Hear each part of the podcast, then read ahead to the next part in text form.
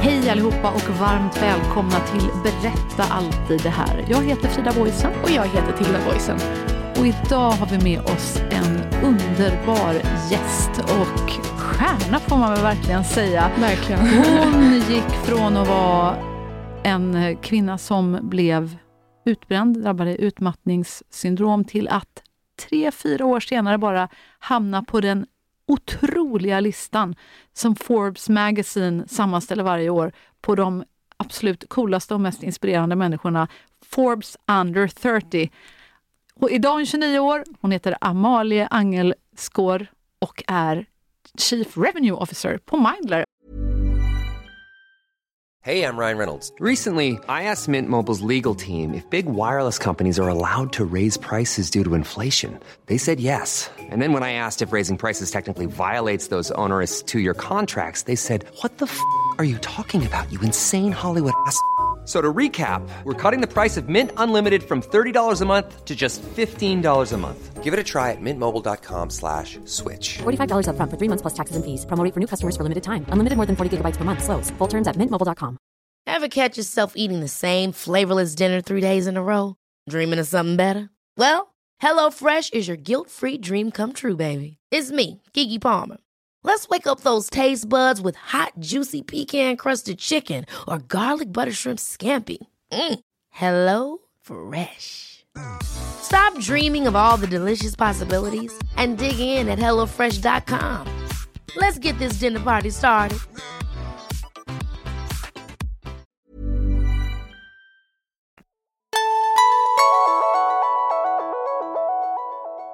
Varmt välkommen hit! Wow, vilken introduktion.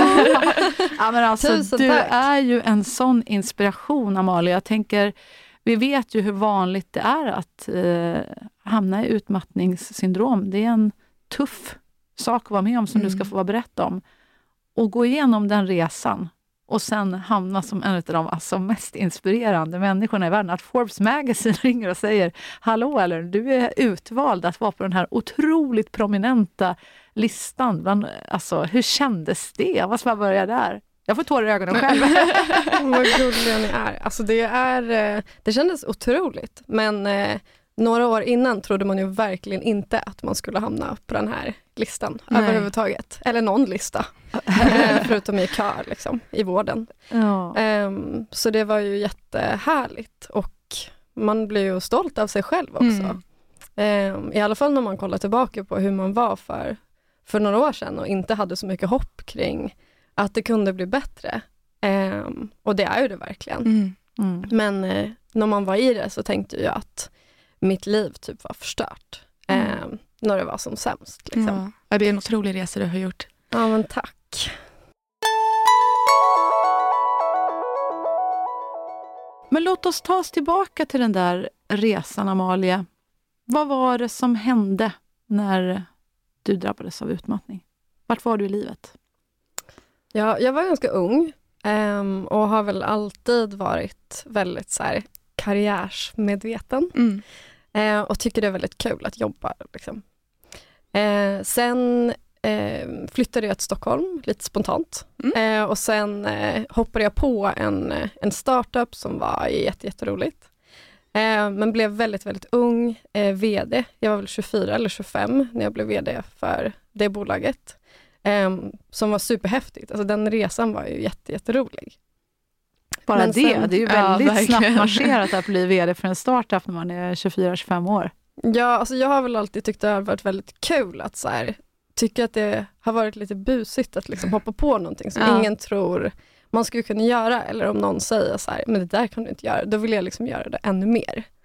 Ehm, jag vet inte riktigt vart det kommer ifrån, men jag tycker ändå det är väldigt roligt att Mm. liksom bevisa att, att man kan. Typ. Ehm, men det var jättekul, men sen ehm, blev det extremt mycket jobb. Ehm, vi skulle också sälja bolaget, så vi var mitt i den processen. Eh, vi var väldigt få personer och de som har varit med om att gå igenom att sälja ett bolag vet att då ska man liksom hålla kostnaden nere Mm. och intäkter uppe. Det är, liksom, det är det man ska göra. Det är tricket. Ja, det är tricket för att få sälja det. Då vill någon köpa ett bolag. Mm. Eh, så såklart ska man göra det. Liksom. Men eh, jag hade ju inte varit VD förut, eh, kan man ju tryggt säga. Ehm, så hela den här processen för mig blev ju väldigt ny, väldigt svår. Eh, jag visste inte riktigt vad jag skulle göra. Jag tyckte det var ganska jobbigt att Mm. sitta där eh, med olika personer eh, och, och prata om hela den här processen och jag inte var när jag inte visste vad jag skulle göra. Och jag tror att det var liksom början på min utmattning, att jag var väldigt förvirrad. Eh, jag kände att det var extremt mycket press. Mm. Eh, jag började, eller jag jobbade extremt mycket. Jag hade väldigt sällan ledigt, även på helger och kvällar. Eh, och jobbade väl bara mer och mer. Eh, även istället för att vara med vänner, träna eh, och började prioritera Mm. jobb lite så här över allt annat. Ehm, och tänkte att det liksom var det som skulle till för att jag skulle lyckas i den här rollen.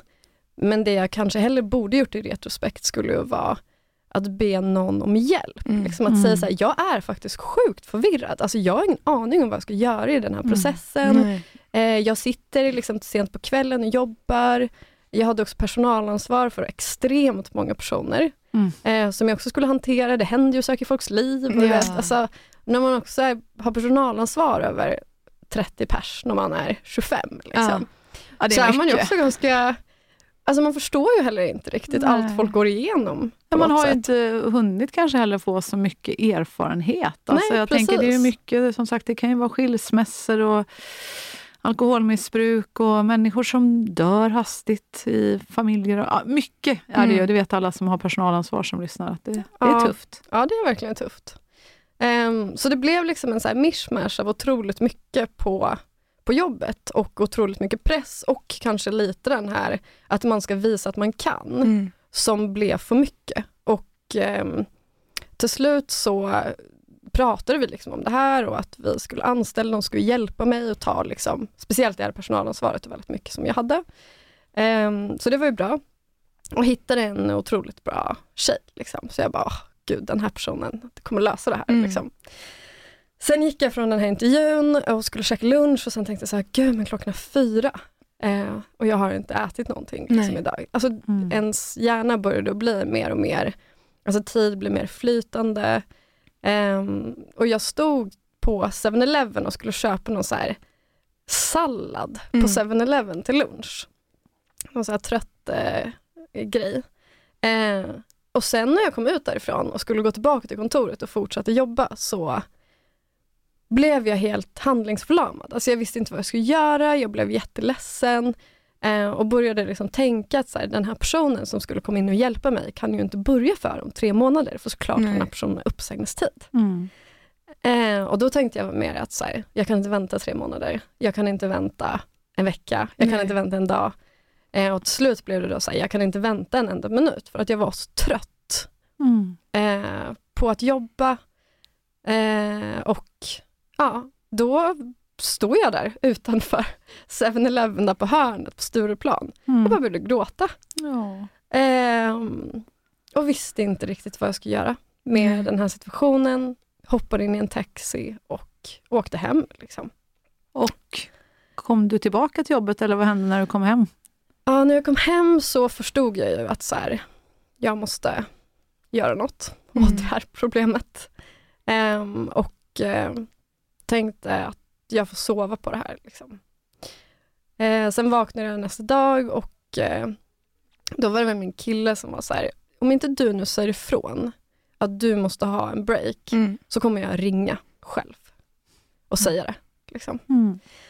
Ehm, och då eh, ringde jag och eh, pratade med en av grundarna och han hade varit utbränd själv Mm. också. Eh, och han, eh, och då också i telefonen var jag ganska så här desperat tror jag Mm. i dialogen att jag, jag grät, jag klarade nästan inte prata, jag hade svårt att berätta vad som var fel men sa att det jag fick fram var att jag är väldigt, väldigt trött Mm. eh, och vet inte riktigt vad jag ska göra med den här situationen. Mm. Eh, och han bad mig, liksom, lägg ner datorn, vi löser det på något sätt, gå och lägg dig. Mm. Liksom, och boka en tid hos din vårdcentral. Eh, så det gjorde jag och eh, sov i typ några dagar efter det. Eh, och bokade en tid hos en läkare. Eh, och det var väl starten på den resan som gjorde att jag till slut då började hos Mindler. Mm. Ja, för du var hos läkaren och så eh, fick du börja hos någon psykolog, eller du gick privat först va? Eller? Ja, först så gick jag till eh, min vårdcentral. Jag hade Mm. heller aldrig varit på en vårdcentral förut, för jag Nej. hade inte varit sjuk i Sverige. eh, Så här, det är lite annorlunda än i Mm. Norge, jag är från Norge. Mm. Ehm, så jag gick till den här vårdcentralen, träffade en läkare, eh, min kille var också med mig och den morgonen var jag väldigt, jag tyckte det var väldigt svårt att vakna på morgonen. Mm. Han hjälpte mig upp, liksom, gick med mig till den här vårdcentralen, typ hjälpte mig upp trappan. Oh my Och god, in- du var verkligen helt slutkörd. Jag var helt Ja. slutkörd. Alltså det var som att man, man kunde bara sova och sova och sova. Jag bara och, ser framför mig liksom Ja. ett batterinivå på mobilen, ni vet, som är bara långt nere på rött och bara blinkar på typ 1%. Det känns som att du var där ungefär. Ja det var det verkligen. Alltså Ja. det, var, det var omöjligt. Och det Mm. var, jag hade ingen energi, alltså absolut ingenting. Och min hjärna var helt slut. Liksom. Mm. Jag kunde inte öppna min dator, jag visste inte vad jag skulle göra. Jag Nej. var helt totalt handlingsförlamad. Eh, och kom in till då först en läkare på en vårdcentral som typ kallade mig för lilla gumman, eh, sluta jobba så mycket. Eh, skrev ut två paket med typ någon Valium-liknande och antidepressiva och bad mig gå tillbaka till jobbet nästa dag. Va? Oj, Eh, så det var liksom första, första vilken kontakten. attityd! Alltså usch, hur kan Ah. man göra så? Nej, alltså jag anmälde till slut läkaren till, till IVO Ja, det är väl helt rätt. Mm. Men gud vad Ehm, oansvarigt. efter jag blev frisk, för jag orkade Ah, inte göra nej, det då. Men när jag fick reflekterat över det i efterhand så var jag så här, gud vad många som måste få det här bemötandet. Ja, gud vad hemskt. När man går till en läkare. Alltså det, Det är ju o, Ja. obegripligt hur en läkare ändå för ganska, alltså nyss ändå, för några få Ja. år sedan, fortfarande idag inte Ja. är bättre uppdaterad, tänker jag, på vad, hur allvarligt det här är. Mm. Nej, och då satt jag där med min kille utanför och grät för att jag var så trött, jag visste inte vad jag skulle göra. Jag hade typ inte duschat på flera dagar. Alltså, vet, man var helt desperat. Mm. Eh, och jag visste, då kände jag så här, men vad mer ska jag göra då? Mm. Alltså vad vill du att jag ska göra för att få hjälp? Mm. Eh, och det jag frågade om var en psykologkontakt. Mm. Det var mitt önskan när jag gick till vårdcentralen. Mm. Eh, och det fick jag inte. Nej. Han ville inte remittera mig till en psykolog, för han menade att jag inte behövde det. Han menade att jag skulle ta de här tabletterna och gå tillbaka till jobbet. Eh, och när jag kom ut därifrån, då var jag ju också ännu mer trött, Mm, frustrerad. Ehm, men då ringde jag också en kompis, jag bara, gud det har hänt, jag vet inte vad jag ska göra. Hon bara, det du ska göra är faktiskt att byta vårdcentral. Hon bara, Mm. jag ska hitta en ny vårdcentral till dig. Ehm, så jag bytte vårdcentral, bokade en tid där och träffade en jättebra läkare. Vad fint. Ehm, som verkligen var så här, det här ska vi lösa, du ska ta alla de här testerna, vi tar massa blodprov, ser att det inte är något fysiskt Mm. som är fel på dig. Det kan ju också vara så här sköldkörtel och, och mycket som också kan vara eh, påverka ens energinivå och sådär. Så han var väldigt, väldigt bra. Eh, sjukskrev mig först två veckor eh, och sa att jag också skulle ta det lugnt och, och vänta på svar och sen fick jag en remiss till en psykolog eh, först. Hur, hur, lång Ehm, tid tog det då? Men det var ganska direkt, men Mm. det var väl typ en och en halv vecka eller två Mm. veckor Ja. efter första mötet med psykologen. Då. Otroligt. Ja, det är Det var ju Bra bara att säga grattis. Det är inte alltid det går så fort, så det var Nej. ju roligt i alla fall. Ja. Men eh, när jag då träffade den här psykologen första gången, då har man ju också gått och väntat ganska länge. Mm. Och det var ju då tre veckor efter det här 7-Eleven eh, Mm. Mm. dramatiska händelsen då, utanför Dramaten. Ja, är bra. Men eh, ja, det var ju tre veckor efter och på de tre veckorna så blev jag, skulle jag säga sämre. Mm. För att jag eh, tyckte det var så hemskt att vara i den här situationen. Och jag blev väldigt, väldigt ledsen. Eh, jag grät jättemycket hela tiden. Jag kände att så här, gud, jag vet inte vad jag ska göra. Det var väl den värsta känslan, att jag var så här, jag har aldrig varit i den här situationen. Nej. Jag vet inte hur jag ska hantera det. Mm. Ehm, och då när jag träffade den här psykologen till slut så hade jag också byggt upp ganska mycket förväntningar till Mm. att ehm, det här skulle bli jättebra. Men vi klickade verkligen inte. Nej. Ehm, det var inget fel på psykologen. Hon var jättetrevlig men det var inte rätt för mig. Nej. Ehm, och det var där jag då började den här, förstå den här vårdproblematiken att okej men då skulle jag då boka en ny tid på min vårdcentral, gå till den här läkaren igen, få en ny remiss till en annan psykolog och hade då ännu längre kötid för att träffa den psykologen, det var väl fyra veckor kanske, Mm, till den mm. andra. Så om jag då skulle väntat på den psykologen hade ju det gått då en månad och tre veckor Mm. sen. Ja, det går ju inte. Man vill ju ha hjälp nu när Ja. det är så akut också. Ja, och då bodde jag eh, på Tre Liljor, alltså i Vasastan och sen Mm. gick jag förbi någon dörr där på vägen hem från Mm. vårdcentralen och det var en psykolog som satt där Mm. utanför min dörr. Jag bara, Nej men wow! Så bra. Vilken bra. det här är toppen, eh, kollade upp henne och jag bara det här känns jättebra, nära, jag orkar inte gå så långt. Ehm, och, eh, men det var ju jättedyrt att gå Ja. till den personen privat. Liksom. Mm. Så det var typ 1 fem per gång eller något. Så jag skrev till henne och frågade om det den var möjligt att fakturera min arbetsgivare istället, för de sa att de kunde betala för det, som Mm. var väldigt schysst. Mm, Liksom. verkligen. Ehm, men då sa hon så här, men eh, du kan ju gå, eh, det finns ju en app du kan gå via primärvården där jag också är anknuten. Ehm, och jag bara, jaha, vad är det här för app? Och det var då Mindler. Ehm, och hon bara, det kostar 100 kronor. Jag bara, 100 kronor? Ja, det. Det känns ju jättesjukt. Liksom. Det här kan ju Mm. inte vara på riktigt. Det måste ju vara någon scam eller Mm. något fel på den här Ja. appen, tänkte jag då. Men eh, det var ju jättebra. Så då började jag gå till henne via Mindler. Och då träffar du din psykolog via ett videosamtal helt enkelt. Och då Mm. kostar det bara 100 kronor. Och då kostade det 100 kronor. Och, och du kände ändå att du liksom fick den här connectionen via video? För jag tänker att det kanske är någon som tänker så här, men kan man verkligen få det? Liksom? Men berätta, hur var det? Ja, alltså jag tyckte ju att jag fick en mycket bättre connection med henne än den här Mm. första psykologen. Men jag tycker ju att den connection handlade mer om kemi Mm. än miljön. Ja. För min del i alla fall. Sen tror jag det är olika vad folk gillar. Några Mm. vill nog träffa en psykolog fysiskt för att Ja. man tycker det är mer bekvämt. Men, men jag tror den här connection är ju viktigare Mm. att man väljer en psykolog som man tycker känns bra för en själv. Mm. Precis. Och som har erfarenhet med det du vill ha hjälp med. Mm. För ofta kan det vara att man har en prob- problematik som är specifik, alltså om man har en fobi eller Mm. ett trauma eller någonting som har Mm. hänt. Och sen blir man remitterad till en psykolog som är en jättebra psykolog, Mm. men som inte är specialiserad på det du egentligen Nej. behöver hjälp med. Ehm, Nej men precis, för jag, jag har ju också gått till lite olika psykologer och jag, jag har faktiskt också känt så här att ibland, jag vet inte om någon annan tänker så där ute, men om jag går och träffar en psykolog fysiskt så har jag inte alltid varit så modig som du har varit. Ibland har jag varit det och känt att det här funkar inte, det här är fel. Mm. Och ibland har jag sagt så här, nej, men tyvärr jag kommer inte komma tillbaka för det, ah, det funkar inte för mig. Och ibland så har jag gått tillbaka för jag har känt så här liksom skuld, att men ska jag vara en sån där som säger upp det här nu? Mm. Och så går jag dit ändå för att...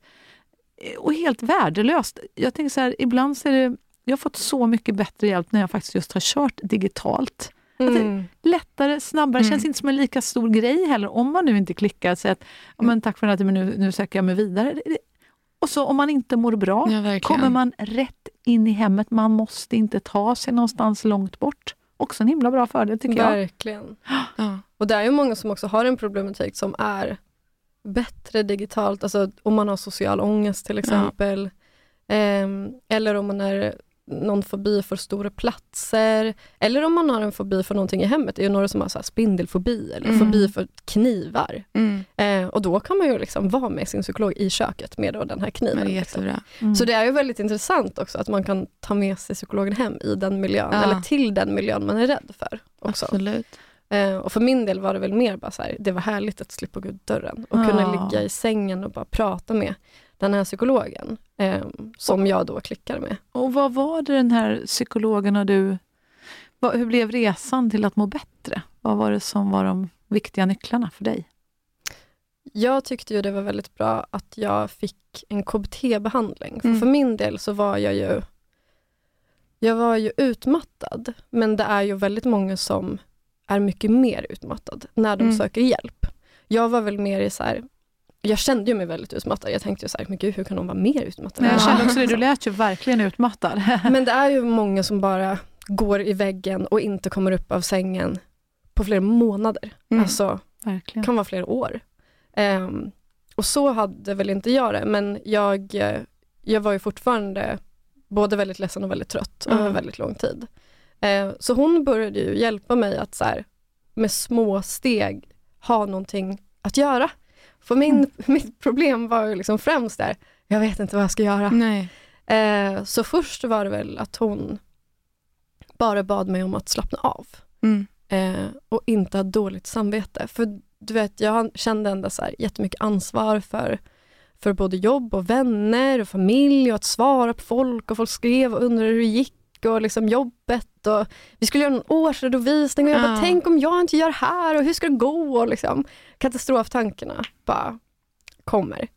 Ehm, så hon, det vi började med var väl att släppa alla förväntningar på en eh, och våga lyssna på vad jag behöver göra. Och hon frågade mig, så här, vad känner du att du behöver göra? Mm.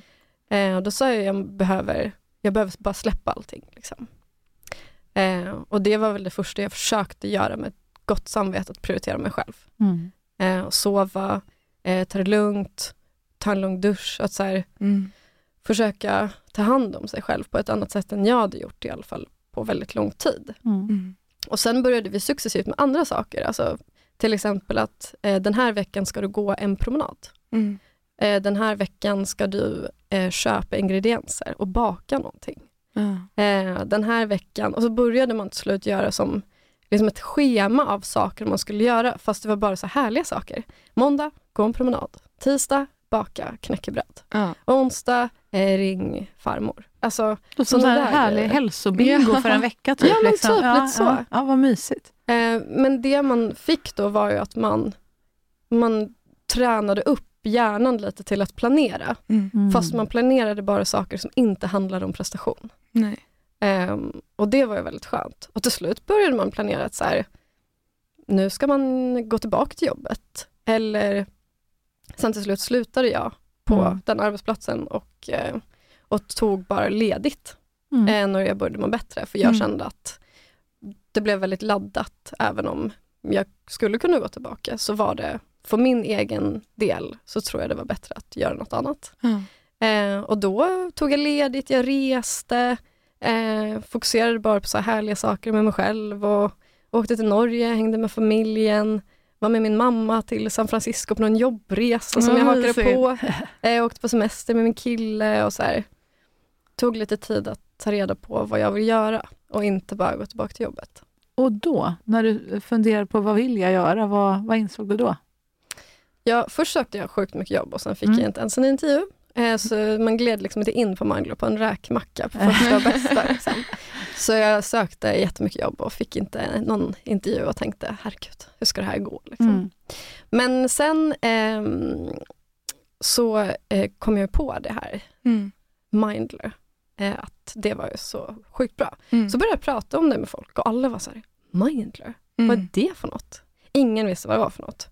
Eh, och det är ju väldigt många som behöver den här tjänsten. Ja. Eh, så det var väl då eh, det som hände att jag blev lite så här, gud vad jag vill jobba där. Mm. Eh, och jag har ju en marknadsföringsbakgrund så jag skrev till eh, Rickard Lagerqvist då, som är en av grundarna på Mindler. Eh, för då hade Mindler börjat komma lite i tidningarna och, och skulle börja göra sin första runda och sådär.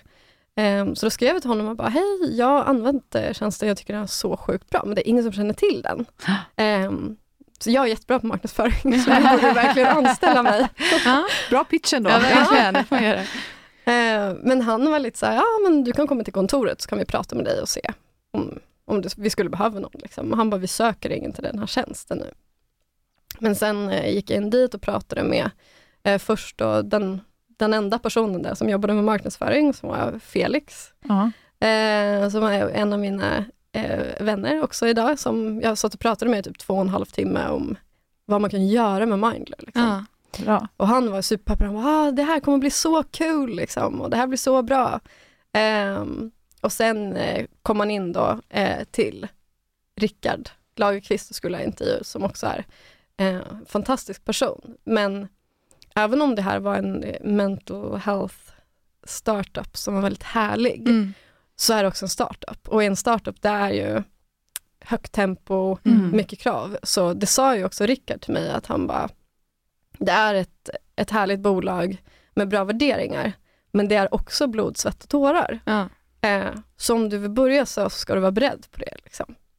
Eh, och jag bara, ja men vi, vi kör. Liksom. Mm. Ja. Ehm, men sen har ju det eh, varit blod, svett och tårar på Mindler. Det har ju varit Mm. en, en sjuk resa. Eh, men jag lärde ju mig så pass mycket av mitt förra jobb, eller Mm. min förra erfarenhet, att jag ändå har lärt mig att jobba smartare och annorlunda och Mm. mindre. Mm. Men jag är otroligt mycket mer produktiv Det- nu än jag var då. Det här vill vi höra mer om dina tips till att lyckas bli hållbar. Det är ju otroligt spännande. Ja. Var du öppen med eh, Rickard och personerna på Mindler när du pratade med dem om att du hade gått igenom en utmattningsperiod?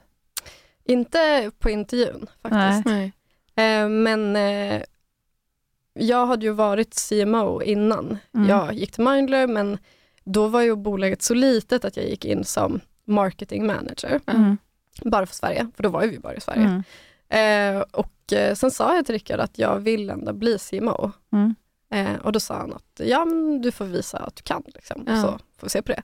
Eh, och då eh, efter ett halvår så sa han att såklart du ska bli CMO. Ja. Och då sa jag det, för Ja. att jag sa att jag vill gärna vara det, men jag vill också vi, jag vill visa vilka premisser jag vill gå in i den tjänsten. Mm. Ehm, så då sa jag att jag har varit utbränd, det är därför jag tycker det är viktigt, det är därför jag också vill vara CMO, för jag tycker det är viktigt att den här tjänsten når ut till människor. Mm. Ehm, så han sa ju också att han tyckte att det var på många sätt en merit också, att man har det med sig. För att han sa också att du kommer märka att det här kommer vara bra i ditt ledarskap, du kommer märka att du har lärt dig mycket. Liksom. Men han sa ju också att du måste se till om Mm. det blir mycket. Liksom.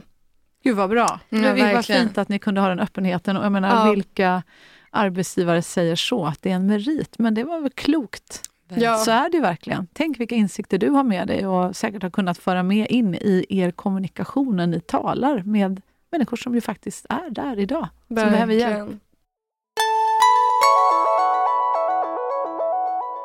Men nu vill vi höra, eller hur Tilda? Ja. Är inte du också sjukt nyfiken på hur gör du egentligen Amalia? Alltså det är ju ungefär 32 300 människor Ja. varje år som går in i en utmattning. Och det är ju en tuff, jättetuff sjukdom faktiskt att vara med om.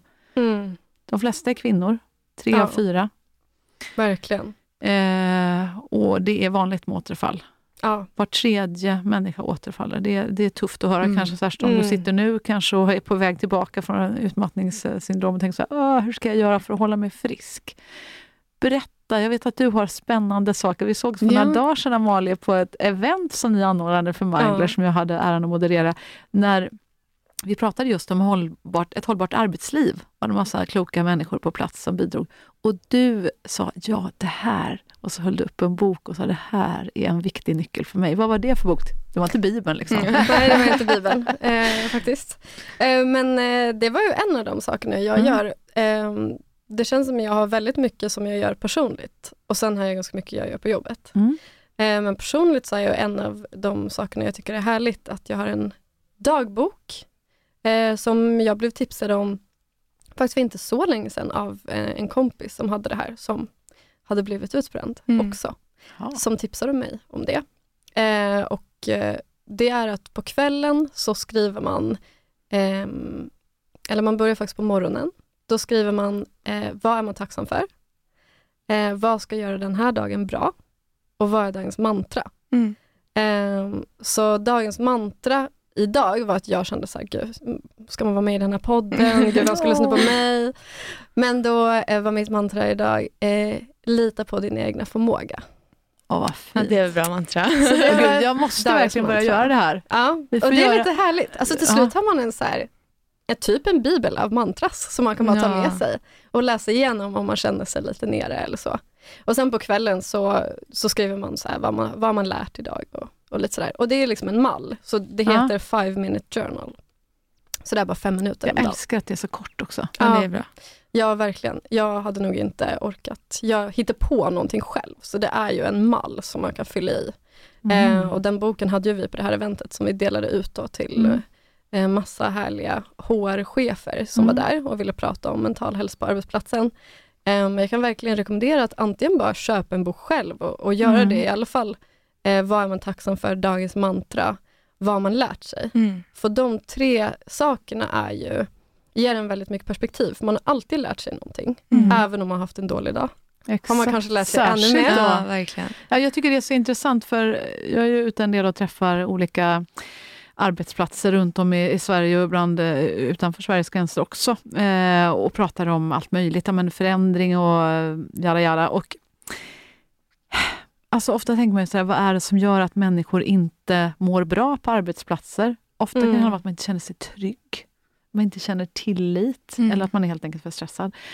Och det handlar ju ofta om att man känner sig misslyckad i de situationerna. Att man känner att man eh, tappar, tappar greppet. Men jag, jag tänker just det du är inne på, att om man känner sig nu liksom misslyckad, att man inte har lyckats nå sina mål, men skit i de orden. Vad du har gjort är ju att du har lärt dig någonting, Mm. förhoppningsvis. Och att vända det till det. För att om man tänker på lärande, tycker jag det är bland liksom det finaste man kan uppleva som människa. Att man lär sig, utvecklas man ju. Ja, Så det är verkligen. ju egentligen ett, Mm. med ett mindset att se på det. Hur, hur har det gått den här dagen? Ja. Ja, och att man skiftar lite fokus. För, för Mm. min del så gör jag det lite för att jag är inte en sån person som bara somnar när jag Nej. lägger mig i sängen. Eh, jag tänker mycket och så här, är väldigt så reflekterande som person. Eh, och är nog ganska så här, högsensitiv som, som person också. ja. Så det jag tycker att det gör mest är ju att det byter perspektiv innan du somnar.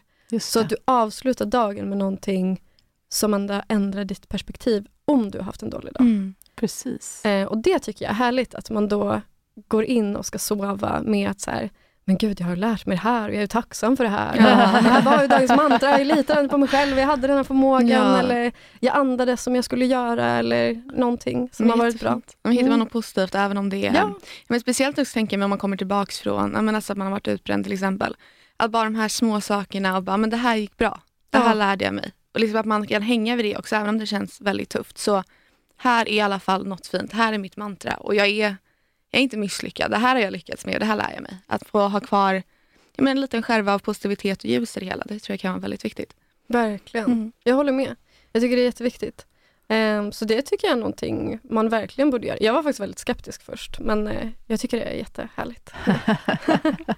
Ja, det låter oerhört inspirerande. Vi får, vi får ta upp det här i podden mer fortsatt tycker jag. Vi Mm. får återkomma till din, eh, din eh, mantra och din, vad heter den, five minute journal. Mm, Mm. Verkligen. Ja, nu kommer det vi- komma någon sponsor in här som vill sponsra er snart. Ja, det får vi hoppas. Alltså, det måste vi göra. Det här låter jättespännande Ja, och verkligen. viktigt. Ja.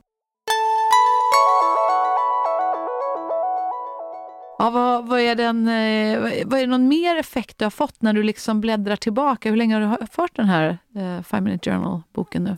Nu är det väl kanske bara några månader, Mm. men jag har ju fått många, alltså det är mycket jag gör nu som jag inte gjorde innan jag blev utbränd, men jag tror att personligen så är ju någonting jag gör är ju att jag prioriterar återhämtning Ja. aktivt.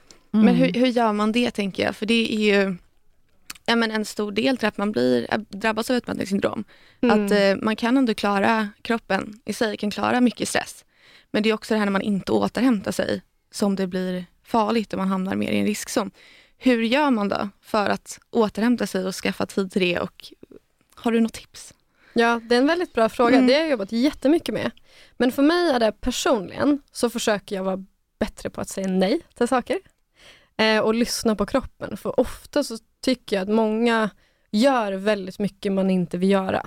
Eh, och det är inte bra för ens mentala hälsa. Eh, Så om jag inte orkar göra något så försöker jag vara ärlig med det istället för att säga så här, men gud jag kan inte på grund av det här. Så säger Nej. jag så här, vet du vad, jag vill så gärna träffa dig, men jag är så trött. Jag behöver faktiskt Mm. bara vara hemma och ta det lugnt. Eller om jag skulle iväg någonstans eller göra någonting, att våga vara ärlig med att man inte alltid kan, liksom, för att man behöver ta det lugnt. Mm. Eh, och på jobbet också så, så är det lite samma sak, fast där jobbar jag väldigt strukturerad med till exempel min kalender. Så varje vecka så går jag igenom min kalender och kollar på vad behöver jag åstadkomma den här veckan. Och sen har jag strukturerat min kalender i att jag bokar in fokustid.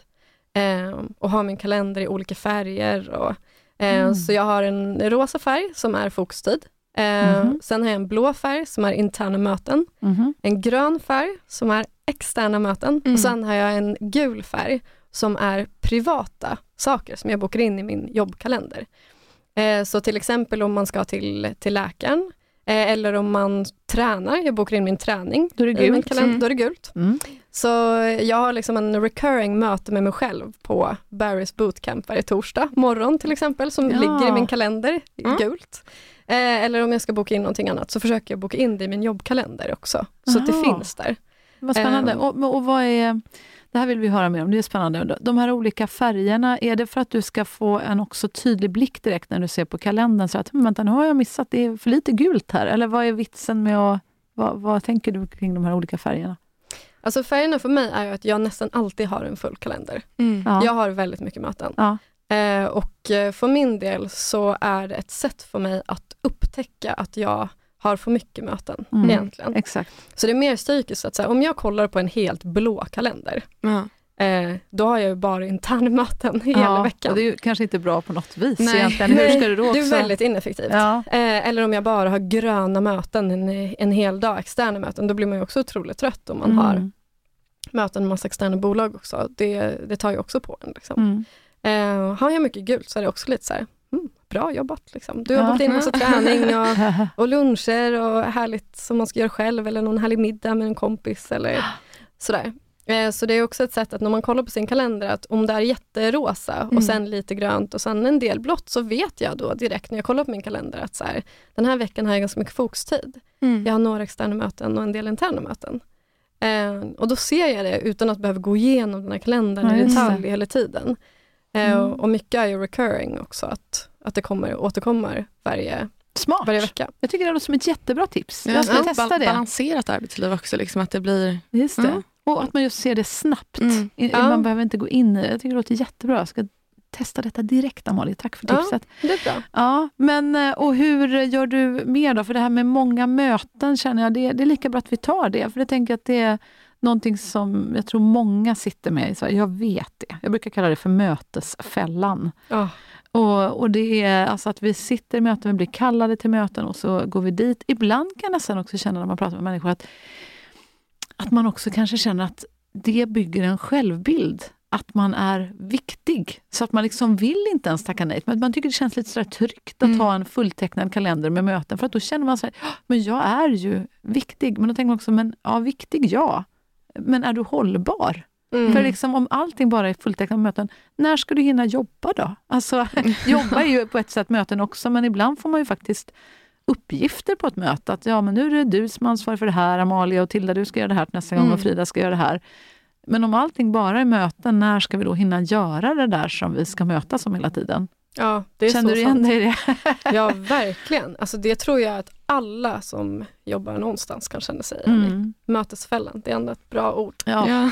gud ja. Men det har vi också mycket, men jag tror att ofta så har man ju för mycket att göra. Alltså jag tror att det är ett problem som väldigt, väldigt många har, att man Mm. har en, en orealistisk arbetsbörda.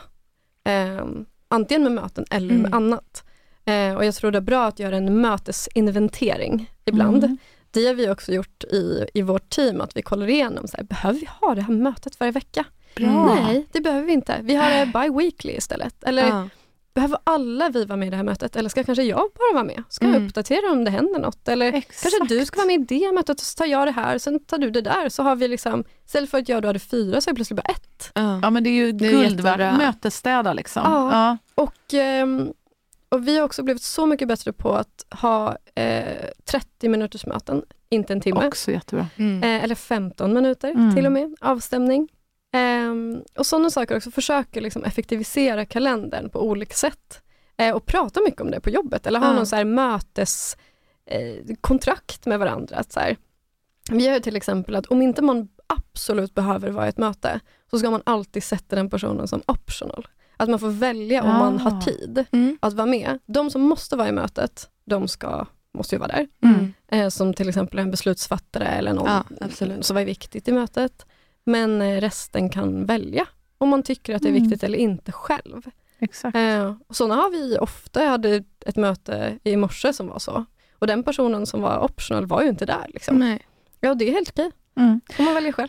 Och visst är det väl så att eh, ni har också en mötesfri dag? Ja, Ja. varje onsdag så har hela bolaget inga möten. Härligt. Så det är också jättebra. Eh, så om någon bokar in ett möte med på en onsdag, då ska det vara viktigt Ja. för att man ska prioritera det. Ja.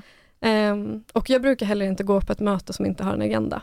Då brukar jag fråga vad Mm. agendan är Mm. eh, innan jag tackar ja. För annars så riskerar det att ta bara tid. Det. Vad är det egentligen, vad är syftet då? Och jag menar, då kan man ju inte heller förbereda sig. Jag tänker så här, eh, Nej, jag brukar snacka om raska möten. Så där. Det ska vara, resultat sen sist ska ju liksom redan finnas klart egentligen. Helt så att Mm. alla kan vara liksom bara pålästa om möjlighet. Och liksom, för att det går massa tid till högläsning. Nej. nej. Och, och liksom, Nej men jag håller med. Och, Mm. och det är bra att ha en agenda för att ofta nå- då när folk lägger till en agenda så tänker jag så här, men gud det här mötet behöver jag verkligen inte vara med på. Nej. Så jag tackar nej ändå. Jag använder den här agendan. Får ha någon annan på det här Ja. mötet. Men det var ju spännande, måste jag bara nämna, att vi var ju på det här eh, eventet som jag nämnde nu häromdagen och där var ju Caroline Lind hade du bjudit in Amalia. Ja, Som är- underbar person. Verkligen underbar. VD på Sandqvist, borde träffa henne också till det. Ja, absolut. Ja. Och hon har ju infört det här med fyra dagars arbetsvecka. Ja, Väldigt inspirerande. Och hon pratade intressant. om att eh, eh, ja, hennes medarbetare blev så mycket gladare och mer tacksamma och taggade. Och just det som du pratar om också Amalia, mer effektiva. Ja. För det är egentligen det du jobbar också med, säger du, att liksom hitta effektiviteten. Mm. Och ni har ju gjort lite grann, en, hy- eh, halvvägs dit i alla fall, på det här viset att ni har en mötesfri dag. För då får man i alla fall lägga upp sitt arbete helt själv. Och du, väljer du att gå in till jobbet de dagarna, eller hur du? ja då jobbar jag hemma som Mm. oftast varje onsdag. Ehm, så då har man en dag i veckan där man också kan så här, gå en lång promenad. Jag brukar gå på yoga på lunchen, ta långlunch Mm. eh, och hitta på någonting för mig själv eller börja dagen med en promenad typ vid nio så kan man också ta ett så walking meeting, ringa någon istället för ett Ja. möte.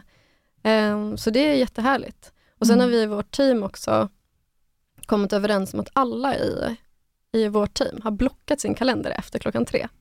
Så man får Mhm. inte boka en möte med någon efter klockan tre. Oj, ja. Ehm, och, Jättebra. och det är jättehärligt också för då får man avsluta sin dag klockan tre, är det här alla dagar? alla dagar. Ah, love it. Måndag till fredag. Eh, och ibland så håller vi inte det. Nej. Men som oftast så håller vi det. Ah. Eh, och det betyder ju att om någon vill eller behöver så kan man gå klockan tre. Eh, för jag bryr mig inte som chef i alla fall Nej. när någon är på kontoret. Jag kunde inte bry mig mindre. Det enda jag bryr mig om är att folk gör det de ska. Liksom. Ja, Mm. exakt. Sen kan ju Absolut. folk lite göra som man vill. Mm. Eh, och det är ju jätteskönt så här, om man har barn eller om man ska träna eller någonting att så här, ja, men jag går halv fyra.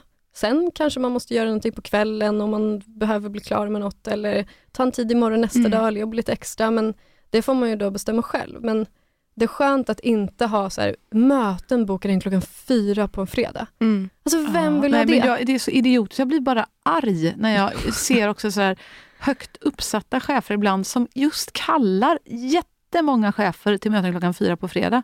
Alltså ni som gör det, tänk efter. ja. Vad, vad ger det era medarbetare? ja, Alltså det känns ibland som, sluta göra det. jag sluta göra det. Jag tycker bara det är dumt. För det är liksom, och ibland får jag en känsla av att eh, de här cheferna som gör det liksom känner sån här att de ska minsann squeeza ur sina medarbetare och ledare då det sista. Att de ska inte tro att bara för att det är fredag klockan fyra så ska man börja eh, vandra hemåt. Men bara, vad är viktigast? Är det att du har glada, lyckliga medarbetare som är friska, som tillåts? Ja, men det är väl, ska de sitta av tiden? Till vilken nytta? Ja. Är det bättre att de går in i väggen? Hur långa sjukskrivningar blir det inte av det? Nej, det är så Mm. sant. Vi har ju eh, inga möten klockan fyra på fredagar. Vi har ett eh, möte alltid klockan fyra på fredagar och det är Friday Bubbles. Så vi har liksom att vi dricker bubblor och tar en öl på kontoret varje fredag vad klockan fyra. Ja. Så då står det alltid uppdukat så här, chips och Det låter som ett lite, ja. lite härligare Ja, möte. det, det har de faktiskt här på Acast också, där Ja. vi spelar in podden. Ja, de, de är bra för Det det. är, det är fredag nu när vi Ja. spelar in den här, det här avsnittet kan vi säga. Och då eh, kom eh, härliga eh, Mr Boston och öppnade eh, dörren den här dagen eh, som är eh, AD här. Och, han, och jag sa hur är läget? Och han var oh, jo, det är jättebra, det är ju fredag. Och de har också alltid fredagsdrinkar. Inte Gud, så här härligt. tidigt som vi ses nu på morgonen, men lite senare alltid Ja. musik på. Och man känner liksom att det är en, en, en otroligt glad stämning när Mm, man kommer in. gud vad underbart. Ja, Men det är det är så fint. viktigt att ha sånt där. Det är Ja. det. Det är det. Folk ska ju ha lust att komma till jobbet eller att vara där, där man ska prestera. Inte Mm. att tvinga någon att göra det. Just För det. då får man ju ingen produktiva människor alls. Nej. Det vet man ju själv också om man får liksom frihet och pepp till att göra någonting. Det är ju otroligt mycket roligare än att någon har tvingat dig att Mm. göra något. Absolut. Och det blir så mycket lättare tänker jag att faktiskt också då vara hållbar och inte gå in i den här negativa, farliga stressen. Mm. Eh, om man känner lycka, Ja. energi, glädje och hur vi kan fylla på det på arbetsplatsen.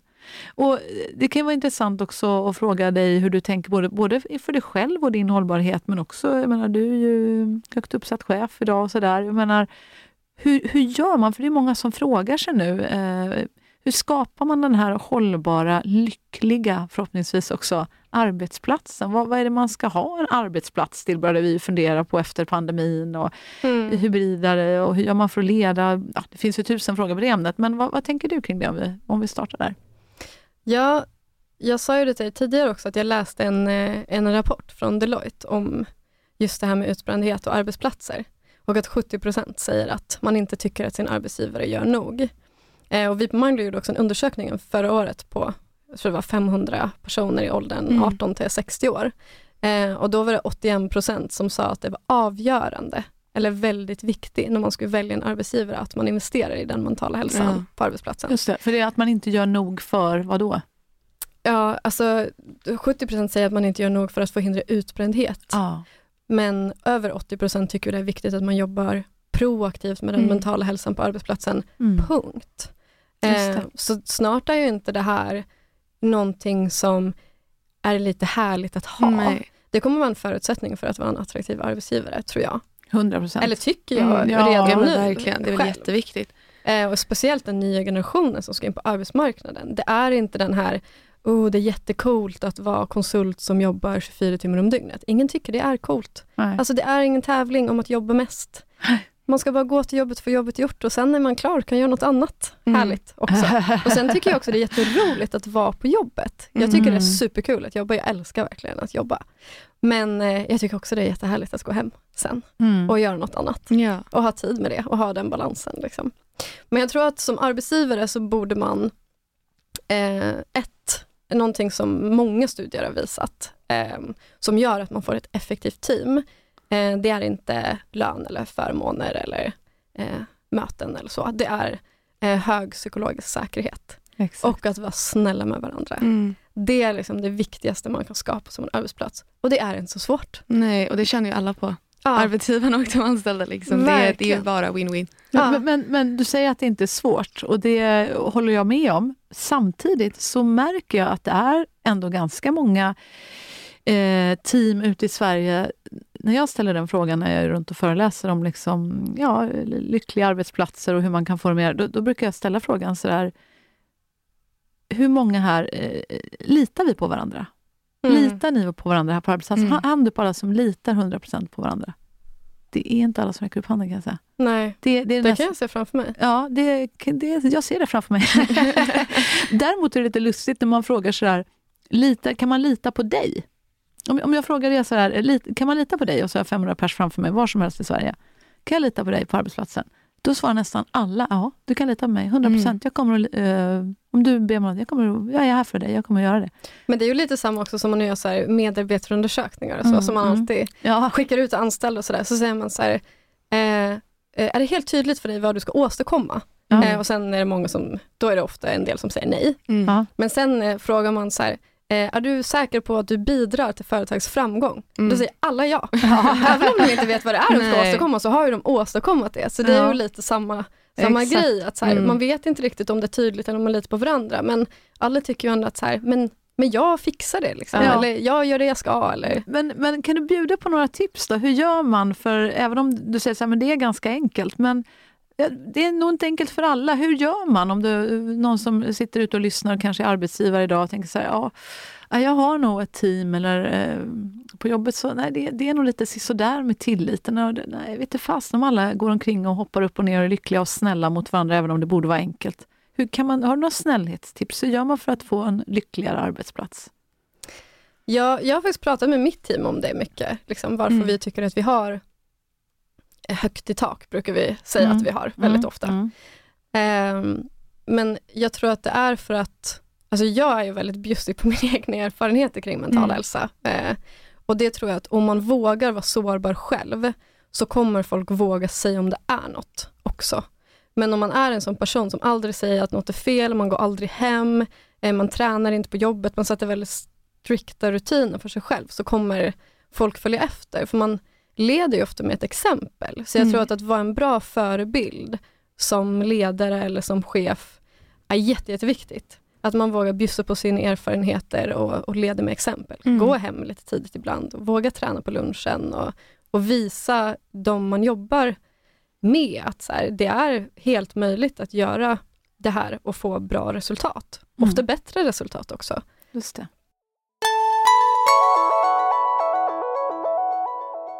Och apropå det, nu måste vi ju komma in på vad som kanske var en av de bidragande orsakerna till att Forbes ringde dig.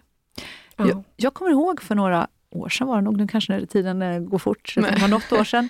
Men eh, du, vi, vi tog en lunch och så sa du, "Ah, jag har, en, jag har en spännande idé som jag har fått. Alltså jag tänkte på sådär, hur skulle det vara om eh, man kanske på LinkedIn skulle vara öppen om, liksom, jag har tänkt på något som heter Own the Gap.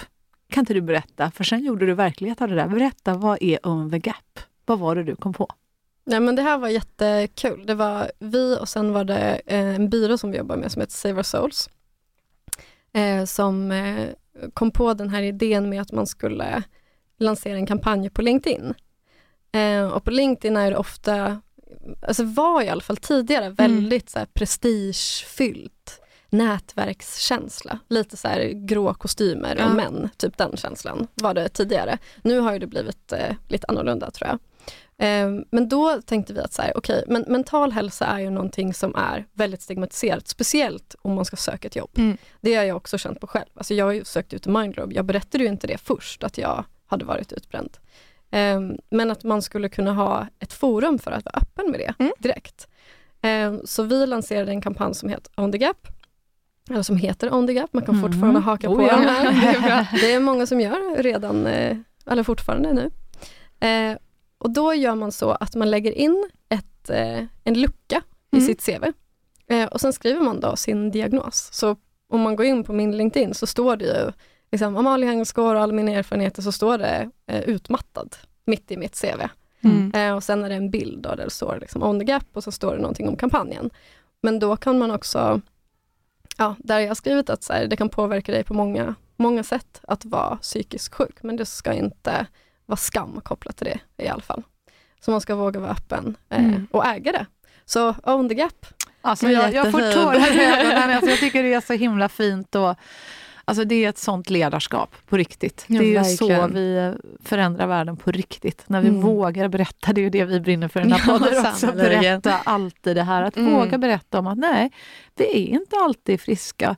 Eh, Jag såg några siffror häromdagen eh, på att eh, psykisk ohälsa, hur mycket det förekommer på svenska arbetsplatser. Och då var det 40 procent, eh, alltså någon gång säger i Sverige att man har varit psykiskt sjuk. Jag kommer ihåg att jag sa till dig Amalia, men herregud varför är det inte 100 procent? Alltså vadå? Alla är väl fysiskt sjuka någon gång i livet och någon gång i livet så går vi ju igenom någonting som skulle kunna betraktas som alltså, psykisk sjukdom. Någonting som händer i livet som blir en tuff smäll. Och Ja. att våga berätta om det, det är väl självklart. Varför ska vi inte göra det egentligen? Vad är det vi har Mm. hållit på med alla år? Men tack för att ni gjorde On the Gap. Och vad händer då Amalia? Då ringer eller mejlar Forbes. Vad händer? Vad, och vad, berätta hur du reagerar. Ja, det här var jättekonstigt, men det var vår, eh, vår CFO då som hade nominerat mig till den här eh, priset, eller vad man ska kalla det, Mm. listan. Eh, sen eh, skrev de först ett mejl till mig och sa att så här, du har blivit nominerad till den här listan Mm. och måste svara på alla de här frågorna. Det var så här hundra frågor Åh, man skulle svara på. Som var, alltså det var så mycket olika frågor om så här, hur får, företaget gick och, och vad man hade åstadkommit och massa länkar och grejer. Eh, och sen glömde jag det, liksom. det gick ganska lång tid efter det. Och sen eh, vaknade jag morgonen, skulle till jobbet, satt på tunnelbanan och sen fick jag så här notification på Slack. Mm. Så här, du har blivit tillagd i Forbes eh, Slack. Och då tänkte jag så här, "Åh, nu vill de sälja mig någonting. För det är ju väldigt många säljare som kontaktar mig för de vill sälja någon marknadsföringsgrej. Eh, så jag började säkert så här Forbes advertising, så vill sälja Mm. mig någon helsida eller programmatiska annonser. Men eh, sen såg jag det på mejlen att så här, ah, you're on the Forbes 30 under 30 list. Eh, och då blev jag så chockad och sen kollade jag liksom ut sen och jag bara, men gud, jag är ju ute nästan i Hässelby, liksom, för jag hade ju inte gått av tunnelbanan för jag blev så chockad. Så jag ringer liksom till mitt team och jag bara, men gud det här har hänt. Jag bara, jag tog tunnelbanan fel väg. Jag är långt ute någonstans, jag kommer lite sent in till jobbet och alla de tyckte det var så kul. Um, så det var jättestort och speciellt också för att när Forbes gick ut med listan så stod ju um, från att rapportera i kriget till att jobba med mental hälsa. Mm. Så det var ju en stor del också utav Forbes Europalistan. Liksom, att, Ja. att de verkligen highlightade att det är viktigt att berätta. Så då kände jag också att man har ändå nått ut till folk om att det är viktigt att berätta om sin mental hälsa. Ja, verkligen. Word. Mic drop på den alltså. Ja, alltså det, jättefint. Och ni är ju också sådana förebilder på det och det känns som att det är, ja, ni är ju helt fantastiska och du som är så ung till det, det är helt underbart men att om flera personer som man ser upp till gör det så såklart vill man göra det själv. Ja, Så det är jätte, jätteviktigt att man, att man vågar. mm, Eh, verkligen. Det, det tror vi på. ja. Ja. Det, är- det är otroligt stort. Och, och sen, visst fick ni ses allihop, ni gänget på Forbes Under 30-listan? Ja, det är ju jättehärligt när man kommer in i det här nätverket för man kommer ju in i ett nätverk man har med för resten av livet Mm. eh, med massa coola människor och det fylls ju på liksom, Ja. varje år med 30 pers då, Mm. eh, per kategori. Vem är några av de coolaste nya bästisarna ni har i det här nätverket? Berätta. Nu är det Kendall Jenner kom in på den listan, Hailey Oh. Bieber och lite kändisar har kommit in. Sen är det många liksom, alumni som är coola, Daniel Ek och, och många. Aj. Sen är det ganska många okända som jag aldrig visste existerade förut, men som är jätteduktiga och så här supercoola appar och massa grunder som har gjort massa coola grejer. Ehm, förra året var det också mycket eh, personer från Ukraina som har gjort någonting som var jättebra.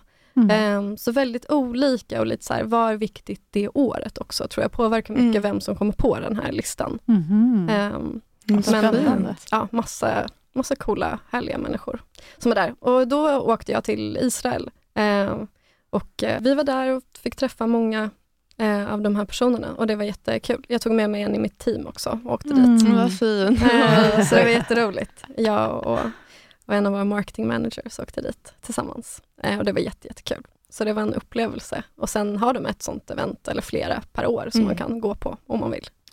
Eh, Så Ja, gud vad jätteroligt. du gör mycket saker. så bra, så fint. Jag Ja. Tänk vad, vad, alltså, vad fina saker, vad mycket du gör som påverkar andra. Ja, Hos men verkligen som förebild.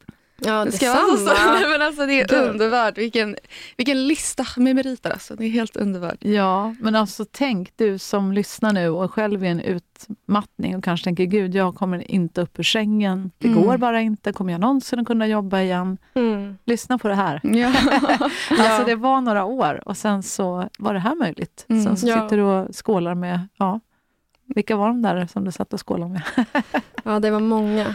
Och många. Jag kan inte ens nämna några namn, för det var Ja. det är väldigt många inspirerande människor, men jag tror att på den tiden så var ju, det var ju inget mål för mig. Mm. Nej. Det var ju mer ett mål om att så här, jag hoppas att jag kan bli lycklig igen. Mm. Ja. För man var så jäkla ledsen. Så nu känner jag mer att så här, man behöver ju inte komma på Forbes större Nej, nej, men, det behöver man inte. men jag tror att ett bra steg är väl att inse själv att så här, det är inget misslyckande. Eh, och det finns väldigt bra hjälp att få. Och om man inte får det på första försök, försök igen. Ja. Och tjata sönder till du får den Mm. hjälpen du behöver för att bli frisk, för det är möjligt. Och det du också sa, eh, som du önskar att du själv kanske hade gjort, du sa att jag önskar att jag hade bett om hjälp. Ja, Mm. Alltså redan på väg in i det här, alltså att man inte måste klara allting själv till Nej, 100 procent när man känner att fan det är mycket nu. mm. Och som du berättar att ni har högt i tak på din arbetsplats för att hålla er friska. Våga berätta, jag, jag mår inte hundra idag. Liksom jag Säga det till varandra så Ja. att eh, vi kan hjälpa varandra. Jag ska ha ett mer öppet klimat också. Ja men faktiskt, Mm. det tycker jag också. Där vi finns för varandra. Liksom. Ja, Ja. jag hoppas att fler arbetsplatser tar efter det. Jag tycker vi har, har det ganska mycket så faktiskt på vår arbetsplats också. Ja, att, tycker vi, jag. nej, men att vi pratar om, nej, men både när det är jättehappy men också i stunder när det är lite tuffare och man är lite Mm. tröttare, mer sliten eller vad det nu kan vara. Ja, jag tror det är viktigt att skapa de förutsättningarna också. Och om inte någon vågar säga så tror jag det är viktigt att aktivt fråga. Mm. För att eh, det är nog många som, det här pratade vi lite om också, eller du Frida, om så här, istället för att fråga hur mår du, Ja. att fråga hur mår du på en skala 1 till 10 Exakt. och att ta dig tid att lyssna på varför. Mm. Eh, vi gör det också i, i våra managementmöten, att vi har en check-in eh, innan vi sätter igång. Eh, och då är det liksom tummen upp, tummen ner. Eh, men ofta om någon är tummen ner så blir det att man stannar vid den personen och lyssnar innan man startar mötet, så Mm. man vet vart är man. Och jag tycker också det här, hur mår du på en skala 1 till 10 är jätte, jättebra. Mm. Eh, och ta tid att fråga aktivt och ofta i one-on-ones eller, Mm. eller ha så kortare check-ins med personer där du frågar så här, är det något? Och om någon säger så här, nej det är inget. Att våga fråga, men jag har upptäckt de här tecknen eller Mm. jag märker det här eller det känns som att du är lite irriterad eller det känns som att ja, du har jobbat ganska mycket senaste Mm. tiden. Men hur mår du egentligen? Hur mår du på en skala från 1 till 10? Ja. För jag vill gärna lyssna på dig. Eh, och det här Ja. är en, ett safe space där du kan berätta det för mig. Mm. Ehm, för jag vill att du ska berätta. Och då Jättefint. tror jag det är mer sannolikt att någon, att någon faktiskt berättar istället för att man bara i vid kaffemaskinen på jobbet bara, ja, men Ja. eh, hur är läget? Men verkligen, även om man inte berättar då är det väl mer likely att man gör det nästa gång. Ja, Att man, man ger det utrymmet och ger den möjligheten att det, jag finns här ja, och jag vill jättegärna höra. verkligen. Men vad är ditt bästa tips till den som kanske just nu är i en, eh, ja, har utmattningssyndrom eller till en närstående? Va, va, har du två bra tips? Eller Ja. tre eller en, det är det som Jo men det har jag. Jag tror att eh, det första är väl att man behöver söka hjälp. mm. Eh, det är väldigt viktigt. Och hur eller vart spelar ingen roll, men sök i alla fall hjälp. Och helst hos en psykolog skulle jag säga. Mm. Mm. Eh, för de vet ju hur de ska hjälpa dig. De är utbildade för att lösa det här. Liksom. Mm. Eh, och det hjälper jättemycket. Sen tänker jag också saker man kan göra själv som för mig så är det viktigt med, eller har varit viktigt och är fortfarande viktigt med fysisk aktivitet.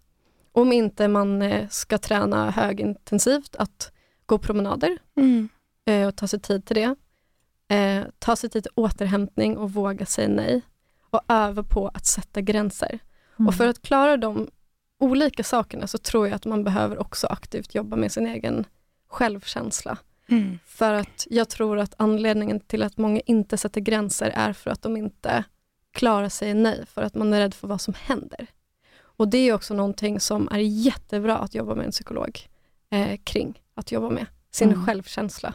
Eh, och någonting jag tror alla behöver göra eh, egentligen. Underbart. Och bara till närstående, har du något litet tips där också? Något som är viktigt för dig att få från din omgivning? Ja, alltså det som var viktigast för mig var egentligen någonting jag gjorde själv, som var att när jag var utbränd så var det jättemånga av mina kompisar som fortsatte leva sitt liv, eller familjen, eller, eller min partner eller så, som hittade på väldigt mycket saker och det orkade jag inte vara med på. Eh, och det, jag pratade nu bara för några dagar sedan med en annan tjej som hade varit utmattad som förlorade mycket av sina vänner för Mm. att hon inte hörde av sig och de inte hörde av sig. Ehm, och jag tror att det är viktigt att kommunicera att, som jag då gjorde till slut, att om ni hittar på någonting så vill jag jättegärna bli bjuden, Ja. men jag kommer mest sannolikt att säga nej. Mm. Men jag vill att ni bara frågar mig ändå. Eh, och om jag säger nej så är det inte för att jag inte vill, det är för att då jag är inte redo för det. Men jag vill inte att ni inte frågar. Mm. Eh, och det är nog det bästa tipset också till närstående, att fråga hur den personen vill att man hanterar de situationerna. Mm. Eh, och vara ett bra stöd och inte ge några skuldkänslor i den situationen till den som är utmattad eller psykiskt sjuk på något sätt. Ehm, och låta den personen ta det i sin takt. Mm. Mm. Ja, fantastiska tips. Underbart Amalie. Vi är så glada att eh, du har varit med oss idag och tipsat om alla dina eh, erfarenheter och insikter. Ett eh, fantastiskt fint samtal. Mm, verkligen. Om du som lyssnar eh, känner igen dig i, i de här eh, känslorna att vara på väg kanske in i en utmattning, gör som Amalie säger, sök hjälp. Mm. Det finns alltid hjälp att få. Och psykolog är förstås toppen, det, Mm. så är det. Eh, tack Amalie, du är alldeles underbar. Och du som lyssnar, om du eh, tyckte att det här samtalet gav dig någonting, tipsa vidare om Mm. det till någon annan. Eh, gör det, det blir vi jätteglada för. Och eh, någonting du vill lägga till till det? Du får gärna dela med dig i sociala medier och tagga in oss. Vi heter berätta underscore alltid underscore det underscore här. Ja, Ja. precis. Amalie, några sista ord till publiken innan vi stänger för idag? Men tack till er för att ni gör den här podden. Det är så viktigt och jag tror att eh, sista orden blir väl eh, det podden heter, berätta alltid det här. Det är jätteviktigt att berätta och prata om psykisk hälsa. Så tack till er två. Ja. Fantastiska ni. Tack Amalie för allt du gör. Tack.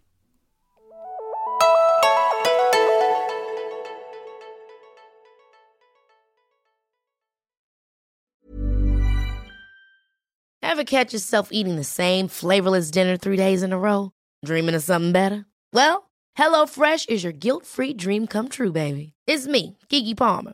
Let's wake up those taste buds with hot, juicy pecan-crusted chicken or garlic butter shrimp scampi. Mm.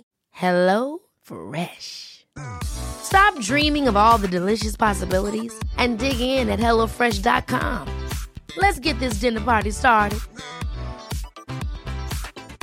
Hi, I'm Daniel, founder of Pretty Litter. Did you know cats tend to hide symptoms of sickness and pain? I learned this the hard way after losing my cat, Gingy. So I created Pretty Litter, a health monitoring litter that helps detect early signs of illness by changing colors, saving you money and potentially your cat's life. Pretty Litter is veterinarian developed, and it's the easiest way to keep tabs on your fur baby's health right at home. Go to prettylitter.com and use code ACAST for 20% off your first order and a free cat toy. Terms and conditions apply. See site for details.